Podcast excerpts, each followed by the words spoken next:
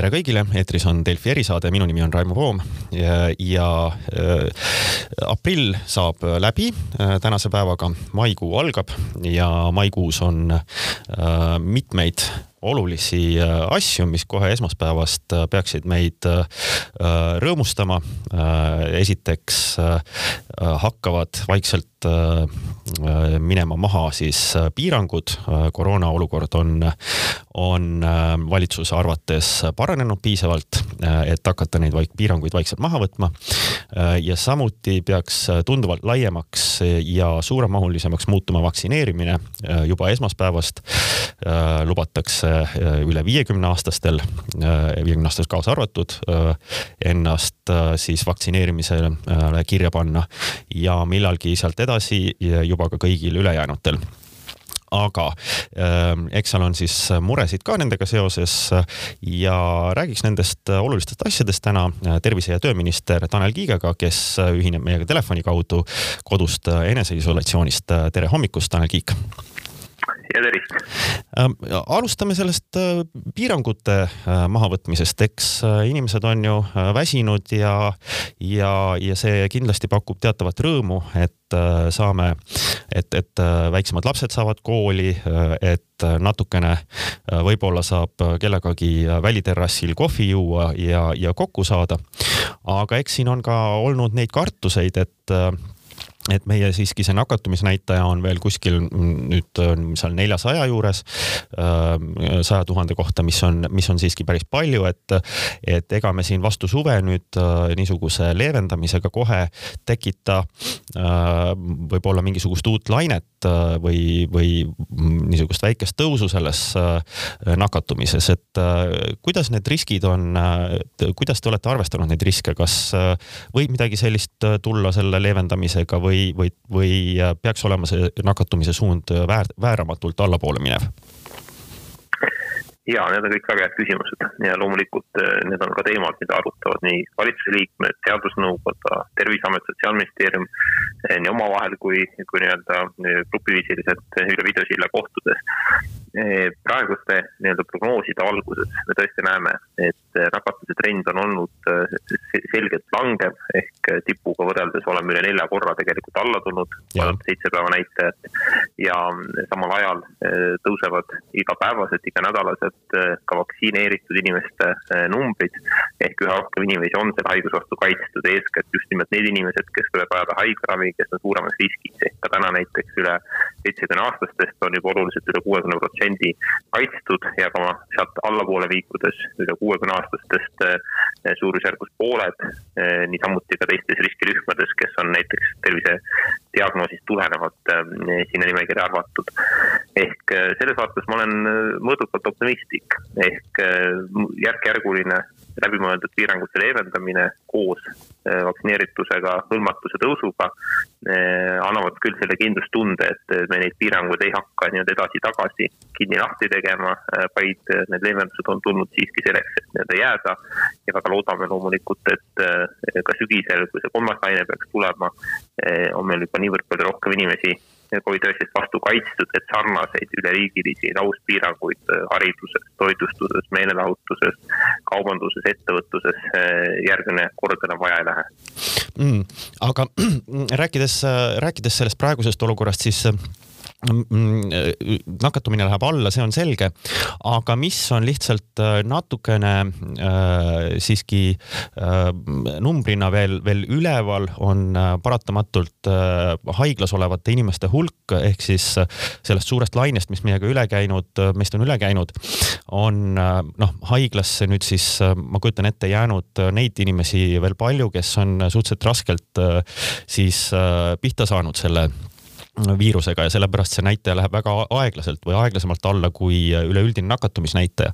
et kui siin tekib äh, kasvõi väike ülespoole minek äh, ähm, siis äh, nakatumisega, kas see tervishoiusüsteemi ei või taas tuua niisugust ähm, siis ütleme kiirelt suurenevat ravikoormust?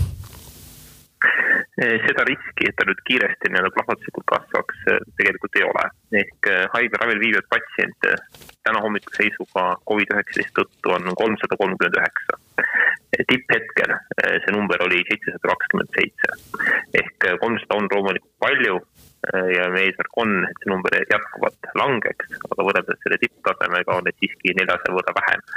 ja tegelikult just nimelt vaadates seda vanuse osa kes pigem on ohustatud äh, tõsisest haigestumisest, äh, kes võib haiglaravile sattuda, siis seal on ju kõige kõrgem hõlmatus äh, vaktsineerimisega. ehk tegelikult see kaitse on jõudnud eakateni, on jõudnud riskirühmadeni, järk-järgult teeme ka kodus vaktsineerimisi. et just nimelt need inimesed, kes potentsiaalselt võiksid haiglaravile sattuda, halvemal juhul surra, oleksid esimesena kaitstud. et need, need nii-öelda numbrid koos just nimelt vaktsineerituse, võib öelda sellise jaotusega vanuserühmade lõikes kes äh, annavad selle kindlustunde, et sellist ootamatut nii-öelda järsku tõusu äh, tulla ei saa. loomulikult, äh, kui nakatumisnäitajad hakkavad taas tõusma, siis mingi hetk hakkab mõjuma ka haiglaravinumbritele, aga siin on alati selline teatud nii-öelda üleminekuaeg sees ja selle jooksul tuleb vajadusel siis teha korrektsioone või reageerida.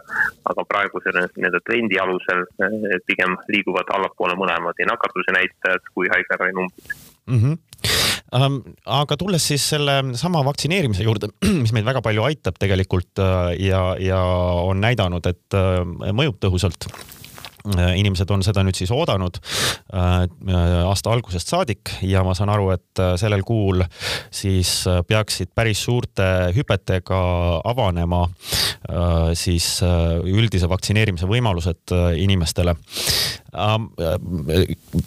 esialgu viiekümne aastastele ja vanematele ja siis kuu teises pooles ka kõigile siis soovijatele, et aga kuidas te selle, kas, kas, kas te olete olete selleks valmis, et ähm, noh, kui vaadata siin nüüd äh, seda e senist vaktsineerimist, siis äh, eks siin on olnud niisugusi tükatisi asju, et kord, kord ei ole aegu ja kord on aegu üle ja, ja siis, siis noh, see nõkat-nõkat läheb, et, et kas te näiteks olete mm, nii-öelda plaaninud seda, et, et arvestades, et noh, mingid vaktsiinitarned on ikkagi osutunud kuude lõikes juba päris äh, usaldusväärseks, et te saate avada aegu ütleme nädal-kaks ette et kui inimesed hakkavad neid otsima nende võimaluste avanedes, et siis nii-öelda oleks neid võimalusi ja, ja, ja ei oleks seda pettumust, et, et aega polegi ja, ja ei saagi ja ei näegi ja, ja nii edasi. ja samuti noh, ka näiteks selle digi registratuuri vastupidavust, et äh, siin on olnud äh, tõrkeid sellega, et äh, kas seda on ka suudetud tõsta, et te olete nendeks maikuu suurteks päevadeks valmis? jah, et kõiki neid teemasid oleme loomulikult korduvalt arutanud nii ministeeriumis, valitsuse tasandil ja ka Covid-19 vaktsineerimise korralduse töörühmas, mis sai ju eraldi veel moodustatud just nimelt selleks, et seda laiem elanikkonna vaktsineerimist operatiivselt koordineerida, Eh, korraldada. Praegu, kui me avame kõigepealt viiskümmend pluss vanuserühma, siis siin tõesti on juba, juba praegu võib öelda peamiseks kohaks, kus ennast kirja saab panna digiregistratuur ehk järk-järgult kandub selline võib-olla raskuskese perearstikeskustelt ja sellised ütleme vaktsineerima kutsumiselt üle siis inimese endapoolsele kirjapanekule digilahenduste.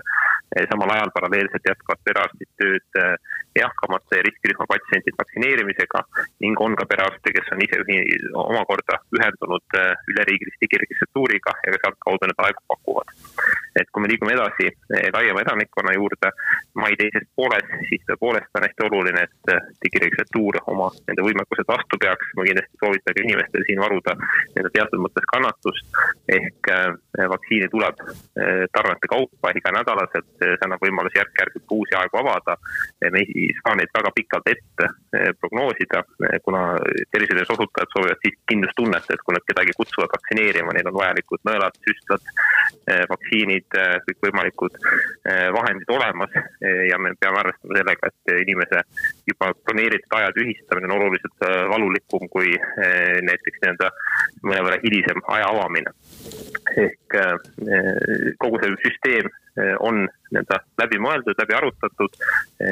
tervise ja heaolu infosüsteemide keskus on teinud vajalikke täiendusi ka digiregistratuuri just nimelt selleks, et sellist ülekoormatusriski vältida. aga kindlasti siin on väga oluline ka see, et, et inimesed pigem ei tormaks nii-öelda ühe korraga neid aegu endale kirja panema, vaid pigem lähtuksime ikkagi sellest, et kui meil on Eh, kõrgem võib-olla eh, Covid-19 nakatumise risk, kui me oleme sellises töökohas, eh, kus me paratamatult paljude inimestega kokku puutume või kui meil on tõesti mingi eluline vajadus kiiremini vaktsineerida, et siis need inimesed saaksid eelisjärjekorras selle võimaluse ja järk-järgult noorem osa elanikkonnast, kes paljuski võivad teha võib-olla kaugtööd, kelle puhul see risk pole nii kõrge, annaks selle, võib-olla võtaks selle väikse ooteaja, mitte, mitte ilmtingimata eeldaks, et, et kohe, kui registratuur on avatud, peab ennast kirja panema. et vaktsiine tuleb juurde, meil on arvestatud neid tellitud neid kogu elanikkonnale, keegi ilma ei jää. mai ja juunikuu jooksul kõik saavad võimaluse ennast vähemalt ühe doosiga kaitsta ja suvekuude jooksul jätkame teiste doosidega vaktsineerimist mm.. kõige selle kohta loomulikult anname ka põhjalikuma ülevaate siis, kui see kuupäev nii-öelda läheneb, ehk et on mai teine pool, kus me laiema elanikkonnani jõuame. aga noh, võib öelda praegu peamine märksõna saab olema digiregistratuur, erinevad haiglad, vaktsineerimiskeskused, eraterviseasutused ja siis osaliselt ka perearstikeskused, kes samuti soovivad eh, lisaks riskirühmadele, lisaks oma patsientidele eh, ka laiemalt elanikkonna vaktsineerimisse panustada mm.. Kas äh, need ähm, nii-öelda vaktsineerimiskeskused, äh, nemad on valmis oma siis võimekust ja, ja süstimise hulka tõstma siin äh, ilma probleemideta äh, vastavalt äh, saabuvate vaktsiinide hulgale? Vaktsineerimise punkte on tõesti erinevaid, ehk väga paljud haiglad on otsustanud kasutada enda pinda, kuna arusaadavalt puhtalt logistiliselt, inimeste hajutamise mõttes, töökorralduse mõttes, vaktsiinide säilitamise mõttes võibki haigla olla kõige sobivam ruum. räägime siin väga paljudest maakondadest, kus tihtipeale ka haiglad ja näiteks ka perearstikeskused asuvad lähestikku, on inimesel mugav tulla, teada kindel koht ja ja seeläbi on võimalik sellist head koostööd teha perearstide, pereõdede ja haiglapersonali vahel. Suuremates keskustes nagu Tallinnas ja Tartus on tõesti kasutatud äh, eraldi vaktsineerimispunkte, neid on olnud ka mujal tegelikult, äh, näiteks siin spordiruumid või muud. Äh, praeguse seisuga on ka Tartus ju avatud eraldi vaktsineerimise keskus. Tallinna puhul on käinud siin läbirääkimised haiglatel mitme erineva võimaliku punkti avamiseks. täpsed kohad, täpsed ajad, nagu ikka, kommunikeerime välja enne seda, kui need keskused käivituvad ja loomulikult on siin oluline, et oleks tagatud vaktsiinide õiged säilitustingimused, inimestele võimalus pärast vaktsineerimist viisteist minutit oma tervist jälgida, vajadusel konsultatsiooni saada arstilt õelt. ehk et kõik sellised tehnilised nõuded, mis on vaktsineerimise plaanis kirjas, on nii-öelda aluseks nende võimalike keskuste avamisel. igal juhul terviseohutus tuleb kõigepealt mm..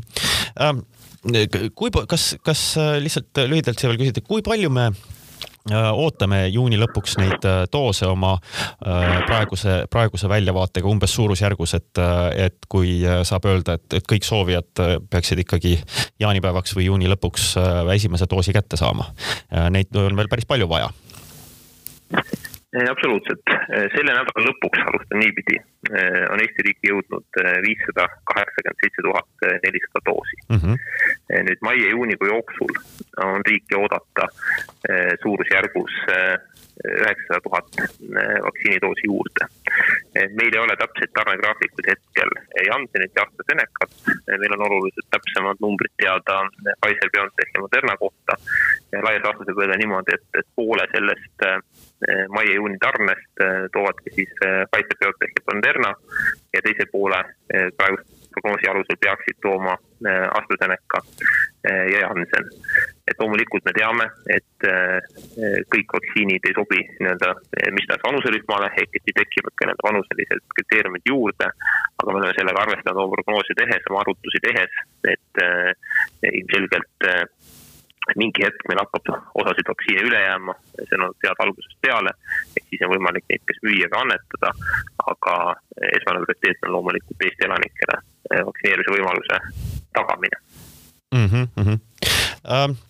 Uh kuidas, ma, ma igaks juhuks küsin selle kohta, et ka, et, et mis, mis selline ametlik vaade nüüd on, et, et tegelikult vaktsineerimine läheb nende numbrite järgi käima ikkagi päris, päris hoogsalt siin mai-juunikuus.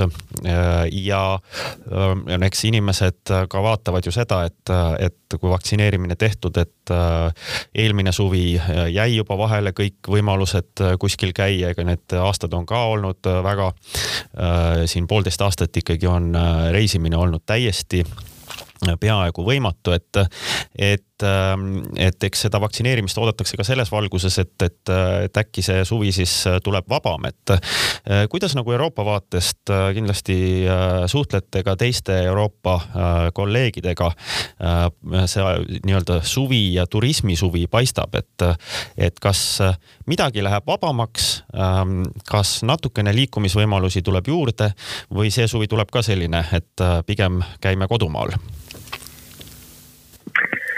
Jah, see on üks küsimus, mida hästi palju küsitakse, oodatakse taas hästi aru saada. Eh, ma alustaksin niimoodi, et eh, arvestades selle viiruse eh, leviku riski erinevates piirkondades, ka neid erinevaid muundunud tüvesid, muteerunud tüvesid, mis paratamatult juurde tulevad, siis minu heatahtlik soovitus tõesti inimestel on, et võimalikult palju puhata ka sel suvel kodumaal.